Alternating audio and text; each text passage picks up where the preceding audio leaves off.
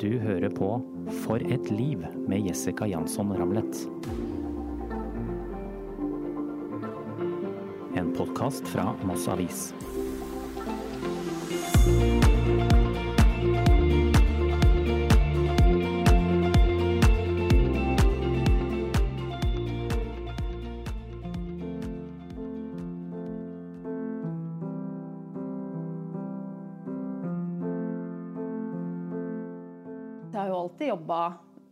Mye, syns det har vært gøy. Eh, og så drukna jeg vel egentlig kanskje sorgene litt etter at søsteren min døde i jobb. Det å bygge opp et helt nytt treningssenter, det krever jo mye.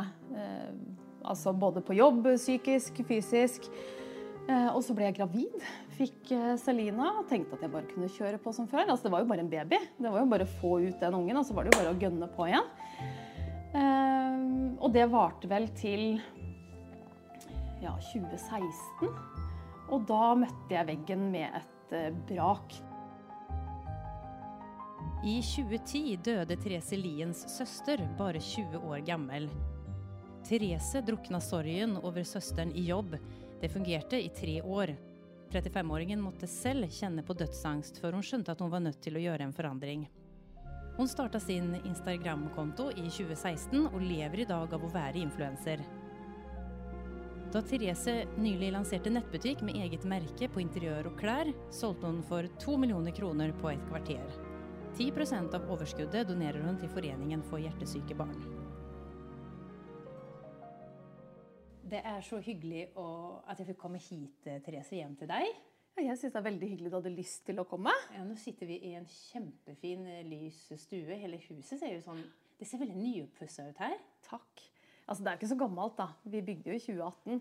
Eh, og ja, stua her, den tok jeg vel i Uff, det er nesten flaut å si. Det er halvannet år siden så pussa jeg opp den. Mm, jeg ser Det ser så fresht ut. Takk. Det er gøy det er gøy med prosjekter. Så Mannen min reiv seg litt i håret. Han skjønte ikke hvorfor all verden vi skulle begynne å male et hus som nesten var nytt. Men eh, ja. Det ble fint, da. ja. Og så er vi i et område som heter Augerød. Våler utenfor Moss. Er det du, fortell litt hva er det du holder på med i dag. For Vi snakka litt om dine klær som du har på deg. Ja, fordi du var jo så fin og pynta i dag, mens jeg tusler jo rundt i eh, vareprøver. Men det er jo liksom en del av jobben min.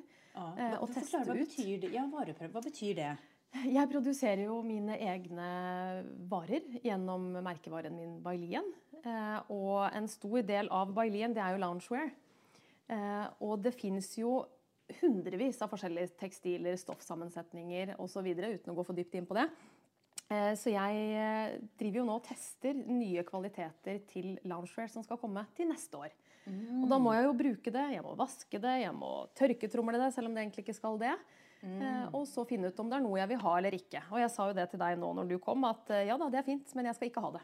Fordi For dette jeg må si det- Ja, riktig. Så Ja. stoffet er du fornøyd med, for det er veldig fint. Det, det er liksom en, si en, en nett, søt kosedress, vil jeg si, som er i sånn tynn skal man si, trikotstoff. Ja. Eh, beige. Og så sydd liksom med pufferm, og det er liksom en liten eh, Det er jo stilen. skulderputer òg, Ja, Therese? de har jeg fjerna, faktisk. Så det kommer Ah. jo nå Det her er jo Bailien-snittet. Ja. Tanken er jo at hvorfor skal lounger være bare, eller kosetøy bare være baggy? Skal vi fortelle at vi har en til med oss i dag, i tilfelle det blir litt action etter hvert? Yes, Vi har jo Kokos, da. En eh, pomeranian valp som er litt hyperaktiv. Så hvis du hører noe knurring, så er det, da er det han i bakgrunnen. Nei, det er ikke jeg. Som misliker spørsmål. Kan si at han er som en drøm. Ja, nå så biter han i stykker teppet. Ja, det det gjør heller det enn bjeffing, tenker jeg. Er søt. søt og snill, men som sikkert alle andre valper en eh, Det går en kule varmt. Ja. Ja. Merka den jeg kom inn her. Yes. Det er litt action. Skal vi starte, Therese, med um, ditt Skal vi kalle det et livsmotto du har, eller hva vil du Ja. Ja.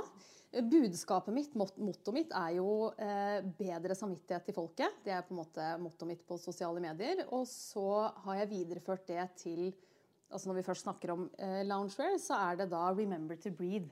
Altså husk å puste. Eh, det henger jo også sammen med det med å ha eh, litt bedre samvittighet i hverdagen. Jeg har jo sjøl vært veldig flink pike.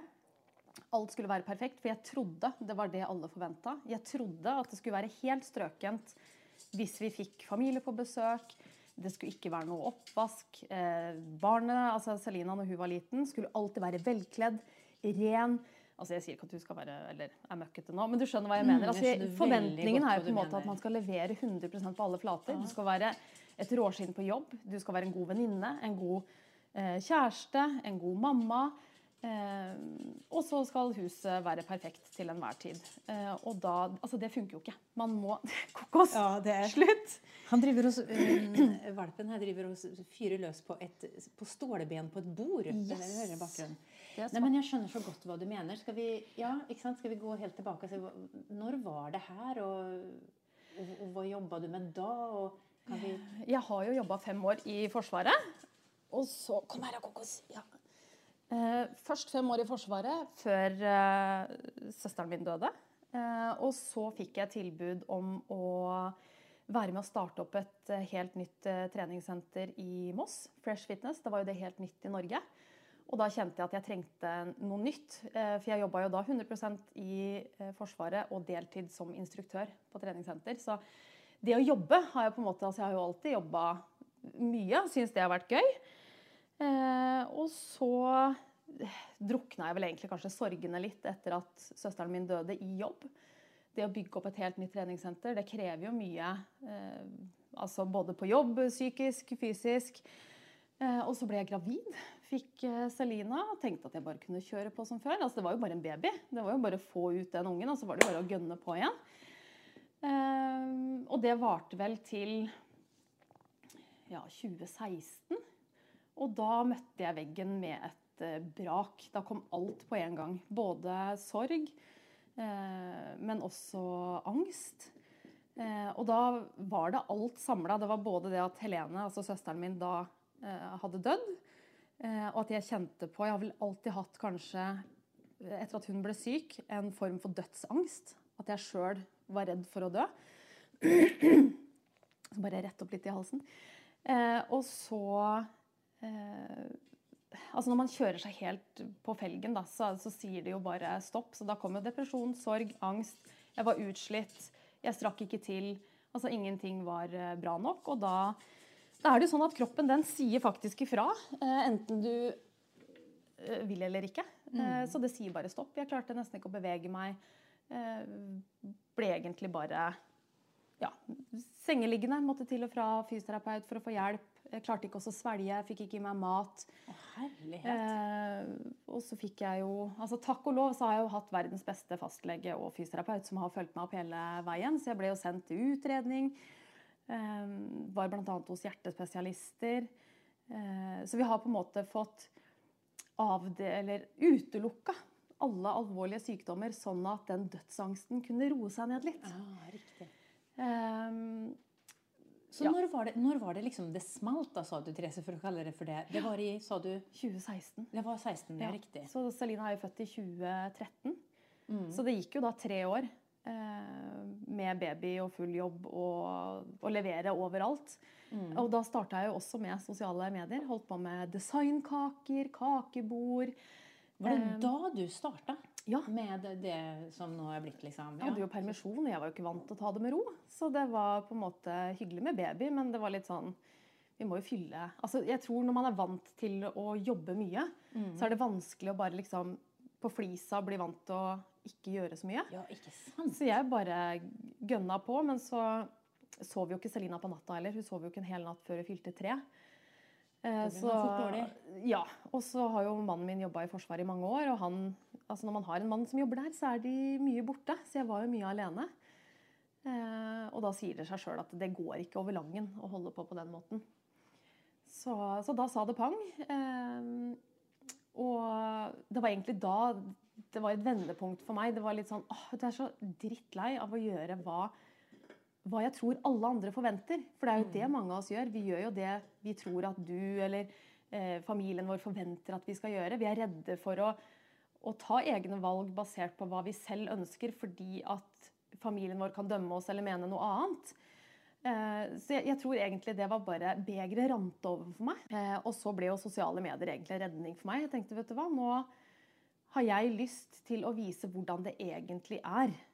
Bak. Altså På sosiale medier, i hvert fall i 2016, så var alt perfekt. Det var Mm. perfekte hjem, og det var altså Mødrene var perfekt, og altså åh, det, det, Man kjenner jo på at sånn vil jeg også være, men jeg får det ikke til. Eh, akkurat da kjente jeg ikke at jeg ville være sånn. Da tenkte jeg åh, Du vil Fuck alle, nå skal jeg vise. Ja, ja, nå skal jeg vise. Jeg vil være kontrasten. Eh, så da begynte jeg å vise. Eh, Oppretta en Snapchat-kanal. Eh, og som da het Bak fasaden, sammen med flere andre jenter. Hvor vi viste det ekte livet bak fasaden.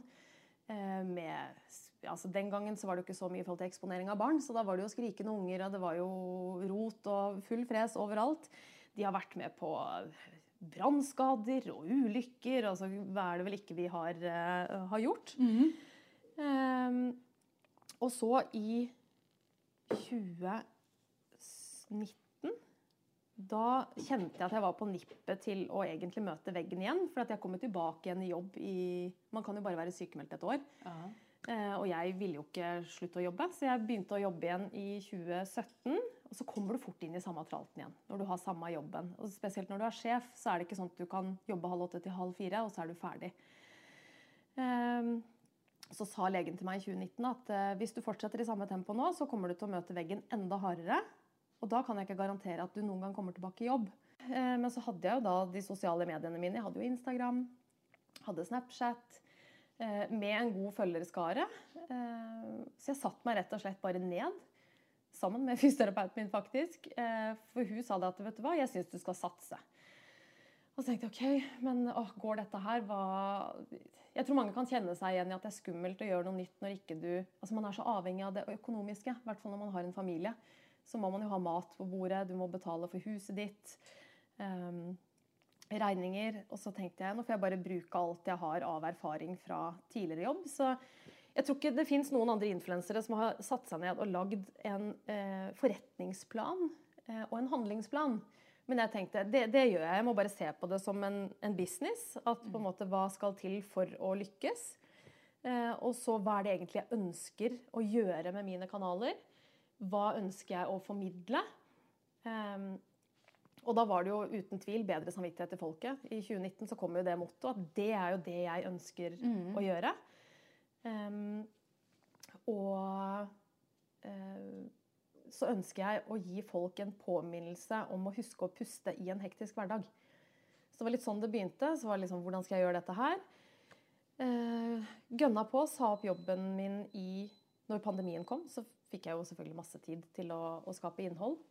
Og da sa jeg opp. Og så tok det vel Var det da fra um, gym, altså Fresh Fitness? Ja, var det da? Ja, Da sa jeg opp. Da jeg var jo permittert eh, sammen med alle andre Mm, i ja, i Norge. Som, ja.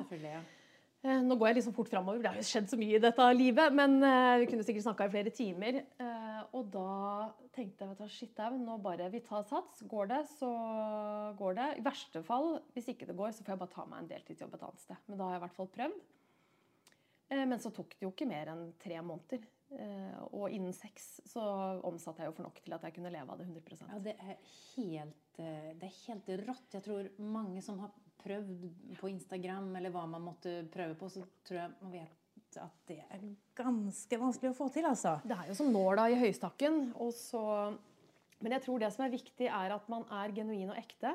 Eh, og at man har et klart budskap. Eh, at du har noe som de ønsker. Og det er jo mangelvare akkurat med altså Det snakkes jo mye om masse store saker på sosiale medier. Det snakkes om krig, kvinnehelse, eh, altså fødsel, ABC-klinikken. Altså det er alltid noe som engasjerer. Veldig mye snakk om psykisk helse om dagen. Men jeg ser jo nesten ingen snakke om flink pike. Det er jo ingen som snakker om det at hele samfunnet eh, Det er jo et stereotypisk samfunn. Er du en kvinne, så skal du se ut på den måten. Er du en mann, så skal du se ut sånn. Er du en mor, så forventes det sånn og sånn. Det er jo det som også formidles i mye av reklamene rundt. Og det er jo det inntrykket vi sitter igjen med. At du skal levere 100% på alle flater. Eh, Så jeg ble så overraska. For jeg tenkte jo også at åh, jeg er mislykka fordi det er jeg som har møtt veggen. Alle andre klarer jo. Men så fort jeg begynte å snakke høyt om det, så kom det jo fram at Altså, jeg tror jeg har fått flere tusen meldinger i innboksen min fra eh, kvinner som er i samme situasjon. Som har opplevd det samme, akkurat møtt veggen. Og så er de veldig litt sånn åh, Men er det normalt? Altså, jeg har vært dårlig et år, det tar så lang tid. Eh, det, er, for lite åpenhet og fokus rundt det. Og det gjelder så veldig mange flere enn det vi egentlig tror. da, Som er på nippet til eller har møtt veggen, og som sliter med å komme seg tilbake. Men du, ja, vi, hvis vi går tilbake altså liksom sånn, eh, har, Hva tenker du om Hvis vi tar flink pike med deg, da. Har du alltid vært sånn siden du har blitt eh, liksom, eh, eldre og bevisst? Eller tror du at det har kommet med noe? Nei, jeg tror jeg egentlig bare alltid har vært sånn. Altså, når jeg gikk i første klasse, så skulle jeg bli Norges første kvinnelige finansminister. Det var liksom Alle andre skulle bli politi, prinsesse, brannmann. Mens jeg skulle da bli For det var jo ikke noen kvinnelig finansminister den gangen. Så, så, det var mitt mål. Så jeg tror jeg liksom alltid kanskje har sikta høyt. Hatt ja. lyst til å gjøre mye. Mm. Og så er jeg veldig ivrig av meg som person og blir lett revet med. Jeg er jo et veldig ja-menneske. Mm. Um, og kanskje egentlig ikke kjent helt mine egne begrensninger. Nei, at du kjører på. Og kjører på. Så, ja. og så er det litt sånn, Jeg er jo lært, opplært til at ingenting kommer gratis. Skal du oppnå noe her i verden, så må du på en måte jobbe for det. Ja. Eh, og da har jeg tenkt at eh, ja, nei, da, da, må man jo bare kjøre på. Og så trodde jeg bare at det var sånn det var. At det forventes jo at huset skal være rent og ryddig til enhver tid. Barna skal være ordentlig påkledd, og du skal ha tid til venninner. Altså det, ja, det er ingen som har sagt til meg at det ikke er normalt. Nei, at alt skal være perfekt. Det er litt sånn at det først har blitt, blitt, sagt rundt omkring i samfunnet nå. Ja. ja. Men Therese, vi må ta eh, For selvfølgelig har jo din, eh, det som skjedde med din søster, vært en kjempebelastning i tillegg. Kan du dele historien eh, hennes på en måte og din, liksom? Hva, hva, hva situasjonen har vært der? Ja, altså det var jo dette også, midt oppi alt annet. Ja. Men uh, søsteren min blei jo da alvorlig hjertesyk når hun var uh, 15. ble, ja, ok, Så dette er så ingenting ikke, medfødt? nei, vi visste sånn. ikke om det. Men de har jo sagt i ettertid at de tror at hun var født med en uh, hjertefeil som ikke ble oppdaga. Mm. Nå har jo mye skjedd uh, i forhold til hjerteforskning og altså sånn, siden hun ble født på, i, i, da i 1990. Men Eh, legene trodde jo, eller Fastlegen hennes trodde jo at hun hadde astma. Så hadde ikke pappa virkelig stått på og sagt at dette er ikke normalt, så hadde det jo ikke gått sånn som Altså, Da hadde vi jo ikke hatt av de fire årene ekstra. Så hun merka det på pusten, rett og slett? da, noe Ja, var helt, altså, fikk nesten ikke puste. Mye vann i kroppen. altså du, eh, Nå husker jeg ikke hvor eh, mye hjertekapasitet hun hadde igjen, men eh, når legen på Moss sykehus fant ut at her er det hjertesvikt, så jeg mener å huske det kanskje var 30% kapasitet igjen. Ja. Så det var jo bare hui og hast rett inn på Riksen. Og det skjedde jo så fort, så vi fikk jo sjokk. Og da var det litt sånn Vi vet ikke om hun kommer til å overleve. Eh, og det var jo egentlig bare starten på Ja, for var, da var hun døren over 20. Det var jo fire år da, hvor vi var, bodde mer eller mindre på Rikshospitalet. Eh, så fikk hun innoperert eh, som en av de første i Norge en sånn titan hjertepumpe som tok over hele eh, hjertefunksjonen. Så hun gikk med ryggsekk på ryggen med batterier vi måtte bytte hver fjerde time. Eh, for å på en måte at kroppen skulle være sterk nok til å kunne ta imot et nytt hjerte. Eh, og så Ok, Så dette er en, en ting man gjør fram til å få muligheten til å Ja, det er jo ikke alle som gjør det, men hun var jo så dårlig. Altså, Hjertet hennes ah. fungerte jo ikke, så den titanpumpa tok jo over hele funksjonen. Um, så ja, det var jo litt av et styr, stakkars. Eh, og så når jeg da fikk omsider nytt hjerte, så eh, var det jo opptrening. Hun kom seg jo tilbake, så hun hadde jo faktisk et fint år på en måte før Det som er synd når man er ung da, og får eh, hjertetransplantasjon, er jo at kroppen er sterk. Og når du får et nytt organ, så vil gjerne kroppen alltid prøve å frastøte seg det. Så du får jo medisiner for at måte, kroppen skal godta organet du får.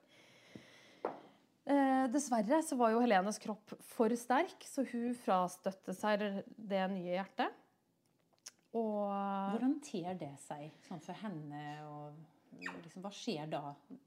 Eh, du merker det jo på altså Hjertekapasiteten går jo ned. Så hun kunne ikke gå ut i kulda f.eks. når det var for kaldt, eh, for da hadde hun problemer med å puste. Eh, og det, da var jo hun på en måte myndig, så vi kunne jo ikke bestemme at hun skulle få altså Hun fikk jo tilbud om å sette inn en titanpumpa på nytt, men det er jo en veldig stor operasjon. De åpner jo hele brystkassa di for å på en måte altså det, det er ikke gjort med et lite inngrep. på en måte. Så hun var veldig klar på at det skulle hun ikke gjøre igjen. Um, og da var det jo egentlig bare også å vente, så det var jo mye frem og tilbake på på sykehuset. Og uheldigvis så nådde hun jo ikke frem i køen på den siste til å få det siste hjertet. Eh, så da eh, ja, døde hun jo da hjemme. Altså det var pappa da som fant henne den 25. januar 2011. Hva, hva vet dere hva som hadde skjedd da? Det var bare hjertet som stoppa. Det stoppa? Ja, det var bare det, det holdt ikke så lenge, på en måte. Altså Det var tørke. Det var jo fælt å si det, at andre håper jo ikke at det skal skje ulykker, mens vi var jo litt sånn åh, nå er det vinter, det er glatt. Får håpe noen krasjer og Ja. Altså det, det er jo ja, surrealistisk, men uh, men, du... men, da var vi ikke forberedt på det. For det er det som er litt sånn Det er, det er så rart. Men uh, når man har vært så nære på døden så mange ganger altså Man er så lei seg, så redd. Man sover jo på halv tolv. hadde jo aldri skrudd av lyden på telefonen i tilfelle sykehuset skulle ringe. Eh, og så når jeg da fikk det, på en måte hadde gått bra gang på gang på gang, fått nytt hjerte, alt var bra, så tenker man liksom at sykehuset fikser alt. Altså Rikshospitalet, de bare Null stress. Eh, så vi var jo helt overbevist, i hvert fall jeg da, var helt overbevist over at de kom til å, å, og fikse det siste hjertet òg. Så jeg husker jo søstera mi ringte meg og var, grein og var fra seg. Og så sa jeg men du, se, slapp av. Hva, var det da? Hun var redd. Eller var hun Ja, hun var sliten, sliten det er ja. vondt. Eh, altså, hun var vel ikke redd for å dø, men det var litt sånn jeg det er en kombinasjon av alt. Mist, mister litt piffen, liksom? Ja. Alt, ja. Så sa men slapp av, dette her går fint. Riksen fikser jo hver gang. Så jeg var liksom alltid den hun ringte for å liksom Nei, men dette løser seg, det går fint. Så når det da gikk altså Det gikk vel ikke opp for meg at det hadde skjedd en gang. Det var liksom Dette her er jo ikke Dette er jo ikke avtalen, på en måte. Sånn. Det her var jo ikke Nei. Uh, så jeg møtte jo opp på uh, Altså hos begravelsesbyrået med mamma og pappa. og med notatblokk, liksom. For det skulle være den administrative. Det å fikse og altså jeg, jeg, tror ikke jeg skjønte at det hadde, hadde skjedd. Um, så det tok ganske lang tid, og så Ja. Hva skal man si? Det gikk nok ikke kanskje helt opp for meg før i Når jeg møtte veggen, da, at jeg drukna meg i jobb. Altså jeg, jeg jo, fikk jo en depresjon etter at hun døde. Mm. Eh, gråt mye, hadde vel sikkert litt sånn påbegynnende dødsangst. Og så var det litt sånn Begynner du å jobbe, livet, og så må du bare Alle sier jo at eh, du lærer deg å leve med det. Det går fint. Mm. Altså, Alle andre glemmer det eh, etter begravelsen. Mens en sjøl har jo alle de der første datoene. Mm. Første jul, første sommer. Eh, så ja, da ble jo min terapi egentlig bare jobbe. Jobbe, jobbe, jobbe. jobbe, jobbe. Og så ja. For du snakker om angst også. Når mm. kom det på samme tid? Det kom eh, altså sånn, Legen sa jo det er alltid normalt å kjenne på frykt for å dø når du mister en som er nær deg. Spesielt hvis det skjer på en sånn måte. Så jeg tenkte ikke noe mer på det. og jeg var bare mer sånn at jeg sa til Øyvind før du går på jobb, sjekk at jeg puster. Bare sånn, så er jeg helt sikker, liksom. Så Men så begynte det, det, det kom samtidig som jeg møtte veggen, og det er gjerne det det gjør. Altså at kroppen på en måte Og det også er jo et, et tegn på at du er på vei til å møte veggen. Hvis ja, du får panikkangst. Fordi at det, det, blir jo rett og slett for mye, så kroppen går jo i panikkmodus. Eh, jeg var på vei hjem fra senterledersamling. Satt i bilen sammen med kollegaen min, og så var det kø gjennom en tunnel i Oslo. Og da bare Altså, jeg fikk ikke puste. Visste ikke hva jeg skulle gjøre med. Så sier jeg jeg må bare dra, jeg må ha ned vinduet, jeg får ikke puste. Og så sier de vi er i en tunnel, jeg kan ikke åpne vinduet. Så jeg, jeg, jeg sorry, driter i jeg må bare Jeg får ikke, får ikke puste. Så det, det, var bare sånn Klaus dro forbi, og så sier hun vet du hva, nå, nå må du roe ned, Therese. For hun visste jo hvor mye de styra og ordna. Og så gikk det seg liksom til Nei da, det går fint. Men jeg tror jeg hadde tre eller fire sånne på en måte små anfall før det på en måte smalt. Da. Og da, da, satt jeg bare grein, på en måte. Så hylgrein. Reiste til legen og sa bare at det, her eh, vet ikke, Jeg er så sliten. Ja. Jeg er så sliten. Jeg har, altså, jeg har, vondt overalt, og jeg sliter med å sove. og Får ikke puste, og nå klarer jeg ikke å svelge. Altså, det var bare, Kroppen gikk bare i sånn Da dro det seg til, liksom? Mm. Virkelig. Ja. Men da hadde jeg jo Jeg skulle jo ha tatt grep før. Mm. Men det er jo liksom man tenker at ja, men jeg skal jo bare gjøre det. Og så, Eller så er det den ja, men neste uke så blir det roligere. Men så blir det jo aldri roligere, for det er jo noe annet som dukker opp. Og da, Du tøyer liksom strikken litt og litt og litt og litt, helt til det ikke er noe mer å tøye. Og det var jo det jeg gjorde òg. Jeg kjørte alt til lunta var brent opp. Det var ingenting igjen, liksom. Så, så når det var på det verste, da, for å si det sånn, da, da var det mer det her Du var, satt og gråt, liksom? Da var øh, helt Ja, da. Jeg var helt si? ferdig. Jeg var så sliten. Så, og det er det man kjenner på når man møter veggen, at man er så sliten. At man på en måte er ikke noe mer å hente. Det er et ork å gå på do. Det er et eh, Ja, alt er et ork egentlig bare å eksistere, på en måte. Stå opp om morgenen.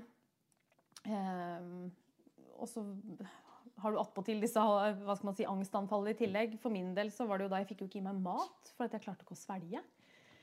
Eh, Så jeg måtte jo ringe mamma. Herlighet. Eh, Ja, altså det eneste jeg fikk i meg, var liksom På et tidspunkt hadde jeg problemer med å eh, svelge mitt eget spytt og drikke vann. Altså det er helt Men det låste seg bare. Det, det var bare Det funker ikke. Um, ja. Så det, det, man må jo bare ta tida til hjelp. da. Takk og lov at legen på en måte sendte meg på alle de der For du kan jo ha hovne kjertler, og da tenkte jo jeg ikke sant, å, det var kreft.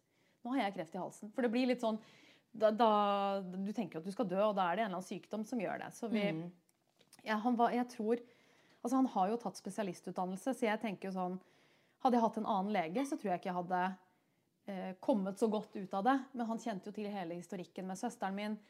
Ehm, så jeg fikk jo uh, Han sitter og piper nå. Jeg skal bare ta en slurk. Han Men jeg- Kokos har fått tak i en eh, Nå fant vi en ball. Skjønner ikke at den passer i hans lille munn. Men. Nei, det er helt utrolig. Uh, nei, altså han sendte meg jo eh, uten å måtte vente, da, så ble jeg sendt til Aleris for å ta ultralyd av halsen. Så vi fikk, ja, som da sagt, utelukka alt av sånne sykdommer. Og da var det jo på en måte Det det, er det psykiske. Altså Ja, det jeg tror mange angst. kjenner igjen seg nettopp i det der at uh, de symptomene er det jo kroppen selv som lager. Ikke fordi at man har men, ja, men da blir man jo redd for det. Ja. Så jeg tror mange kan Og så trenger man et svar på hva Ja, er det for noe. begynne der, liksom. Mm, Uh, og det var egentlig godt. Og så fikk jeg jo Jeg trodde jo Snakker mye, så blir det så tørr i halsen. Um, jeg var jo også Men Kokos, slutt! Du har jo så mye andre leker. Um, jeg var hjemme alene, Øyvind var på øvelse. Og så uh, kjente jeg at hjertet mitt holdt jeg på å si, hoppa over et slag. Og så tenkte jeg å gud, nå får jeg hjerteinfarkt. Og så er jeg hjemme alene med Selina. Det er min største frykt. Å dø. Og så skal ikke Øyvind Og åssen skal hun klare seg aleine da? Og så ringte jeg Øyvind, eh, så han fikk da stikke hjem fra vakt. Og, jeg bare Altså, jeg dør. Nå skal jeg dø. Ringte legevakta. Og da tenkte jeg Nå sier sikkert legevakta at nei da, dette er ikke noe farlig. Eh, ta det med ro. Men så sier jo de ja, du må komme inn. Og da blir det jo enda verre. ikke sant? Da tenker man ok, nå, nå er det noe Men det ikke er kobla, da, er jo at det er normalt hvis du tror at du får eller har noe med hjertet, så blir du gjerne kjørt. Det tenkte ikke jeg på. Så jeg kjørte jo sjøl. Øyvind var jo her med Selina mens jeg dura inn på legevakta. Eh, Fikk jo litt kjeft for det, da, men som jeg sa, jeg tenkte ikke på altså Jeg tenkte bare nå skal jeg dø, altså nå må bare, altså, bare komme meg inn og sjekke. Um, da hadde jeg ureg eh, uregelmessig hjerterytme, og så var det ambulanse ut på Kalnes. Og da fikk jeg liksom tenkt ok, men da, nå var det min tur. Nå, ja. Ehm, og så sjekka de meg gjennom hele natta. Det var ikke noe, eh, ikke noe galt sånn sett med, med hjertet. Eh, men da hadde jeg hatt et sånn skikkelig angstanfall. Men det var jo annerledes igjen enn de andre angstanfallene jeg har hatt tidligere. Ja. Så Så det- det, det- var det at du hadde Det var bare hjertet? Eller eller bare, men altså, Ja. det var anfallet, for å si det sånn, da. Ja, det var det at jeg Og det, det er sånn som de sier at det er et panikkangstanfall. Det er det at det, det skjer en ting, og så tror Altså det er kroppen som tror at det er den bestemte seg, altså Hodet mitt bestemte seg for at det var et hjerteinfarkt når det begynte. Og så mister du kontroll over ja, altså Du får jo veldig sånn hjerte... Å, hva heter det for noe når det banker sånn kjempefort? Eh, hjertebank. Ja, hjertebank, rett og slett. Ja, ja. Og så blir det jo selvfølgelig pusteproblemer. Og, ehm, men etter det, siden de fant en uregelmessighet på hjertet, så ble jeg utreda, og det fikk jeg også svar på i 2019. Så jeg har holdt på i mange år med dette her i forhold til angst og å hente seg inn igjen, på en måte.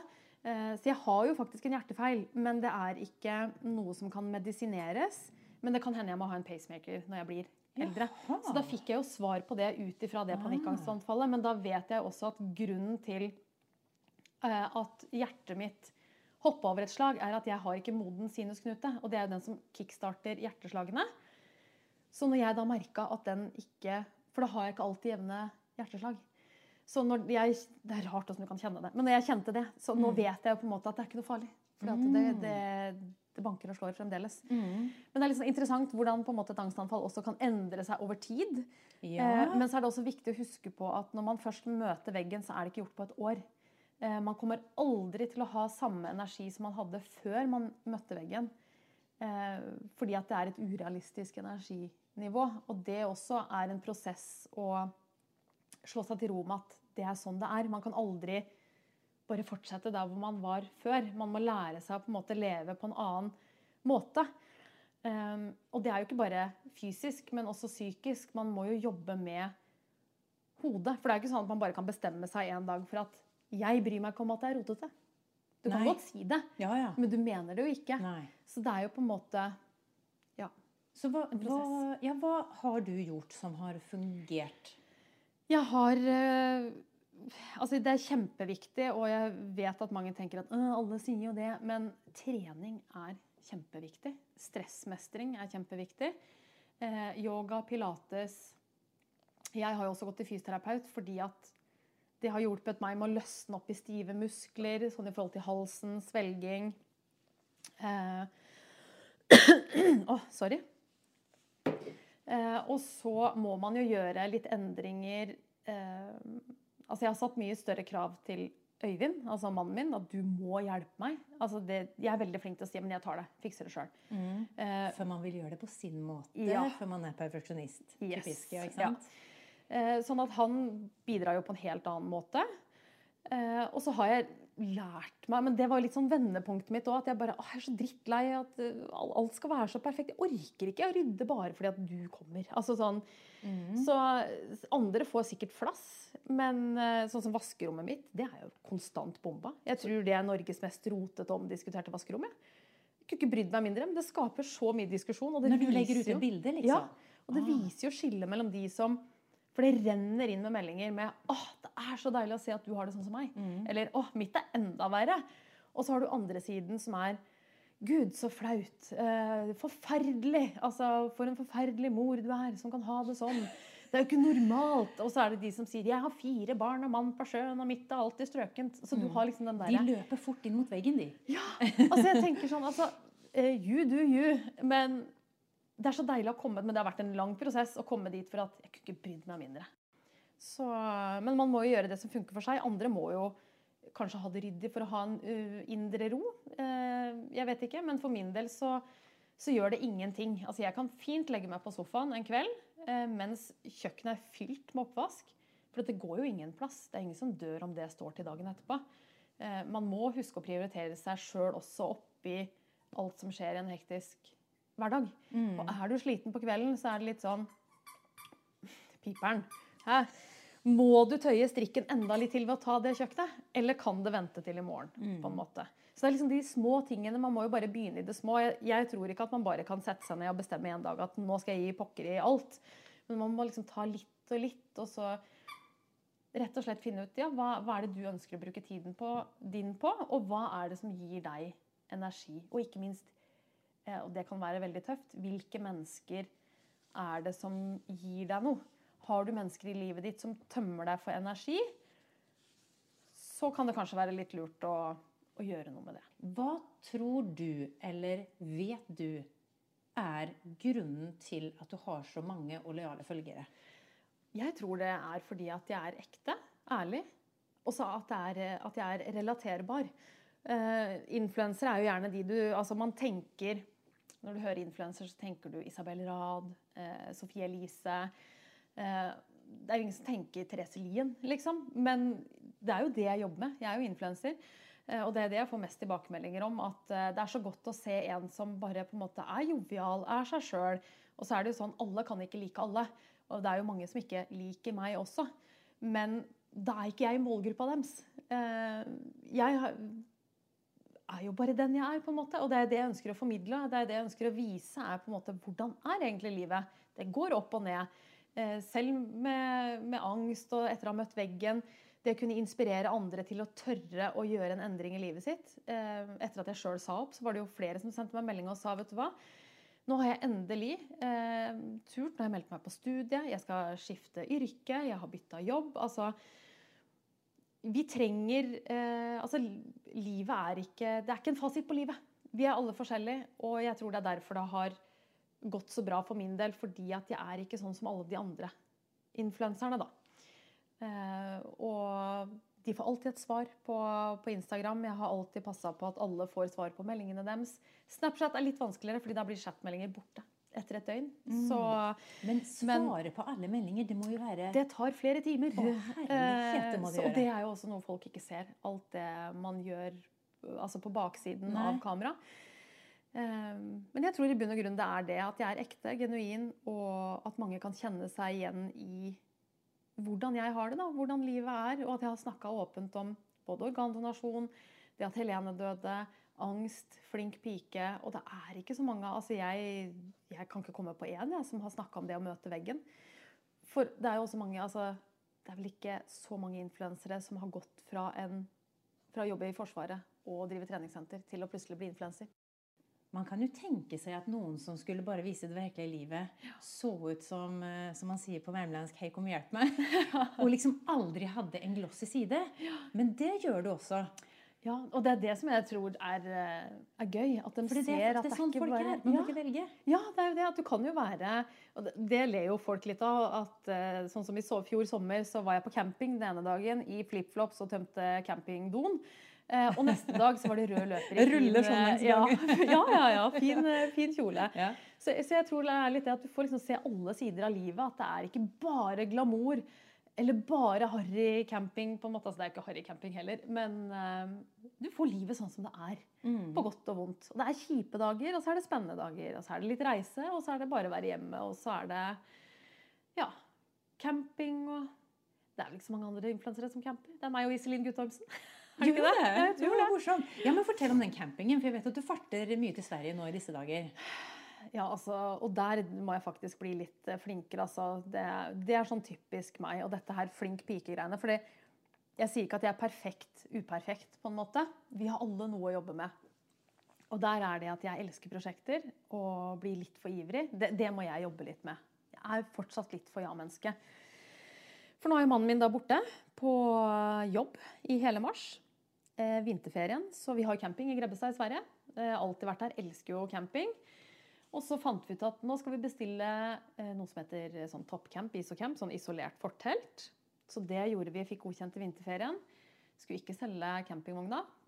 Så kjørte vi hjemover, og så sier jeg til mannen min altså Øyvind, skal vi bare stoppe oss og titte? For du har jo den derre Tellus Østfold, den derre Perry og Williams Caravan som ligger langs E6. Den har sikkert alle sett.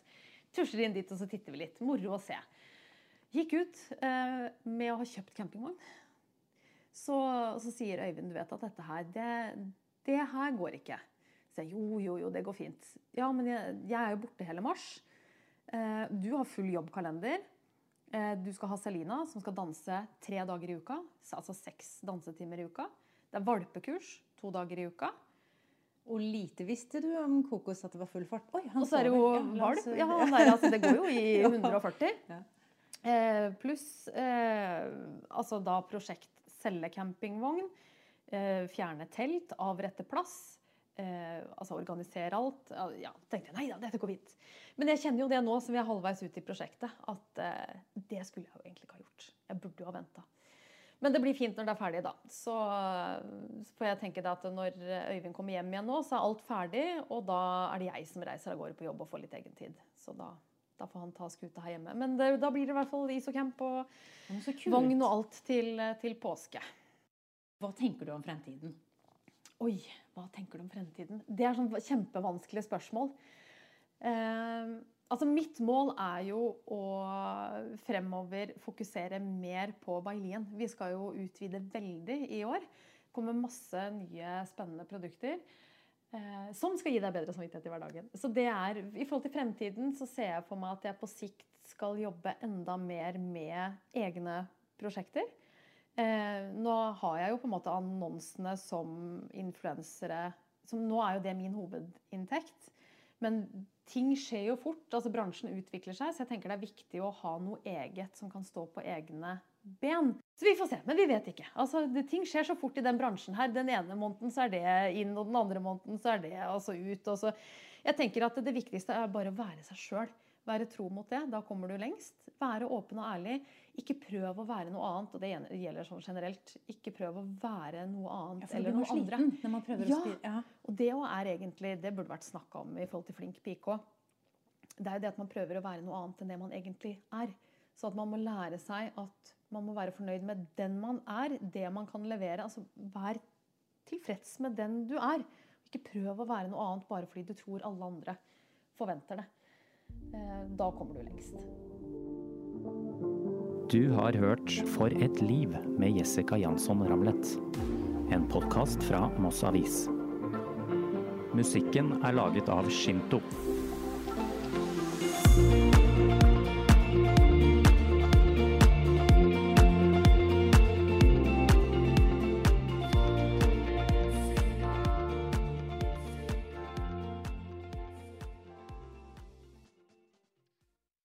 Har du et enkeltpersonforetak eller en liten bedrift? Da er du sikkert lei av å høre meg snakke om hvor enkelt det er med kvitteringer og bilag i fiken, så vi eh, gir oss her, vi. Fordi vi liker enkelt. Fiken superenkelt regnskap.